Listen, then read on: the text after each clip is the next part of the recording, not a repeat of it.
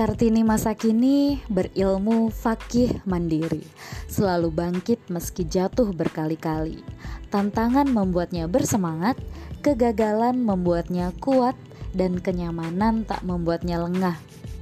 Roscoe Pound pernah mengatakan bahwa hukum merupakan alat untuk membangun masyarakat. UUD NKRI 1945 menetapkan bahwa Indonesia adalah negara hukum.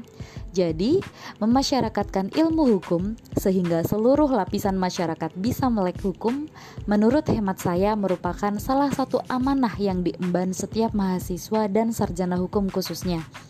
Jadi, mari kita bersama-sama membangun negeri dengan mau belajar dan membuka mata tentang pentingnya pengetahuan hukum, agar hukum senantiasa bisa melindungi dan bukannya malah melukai.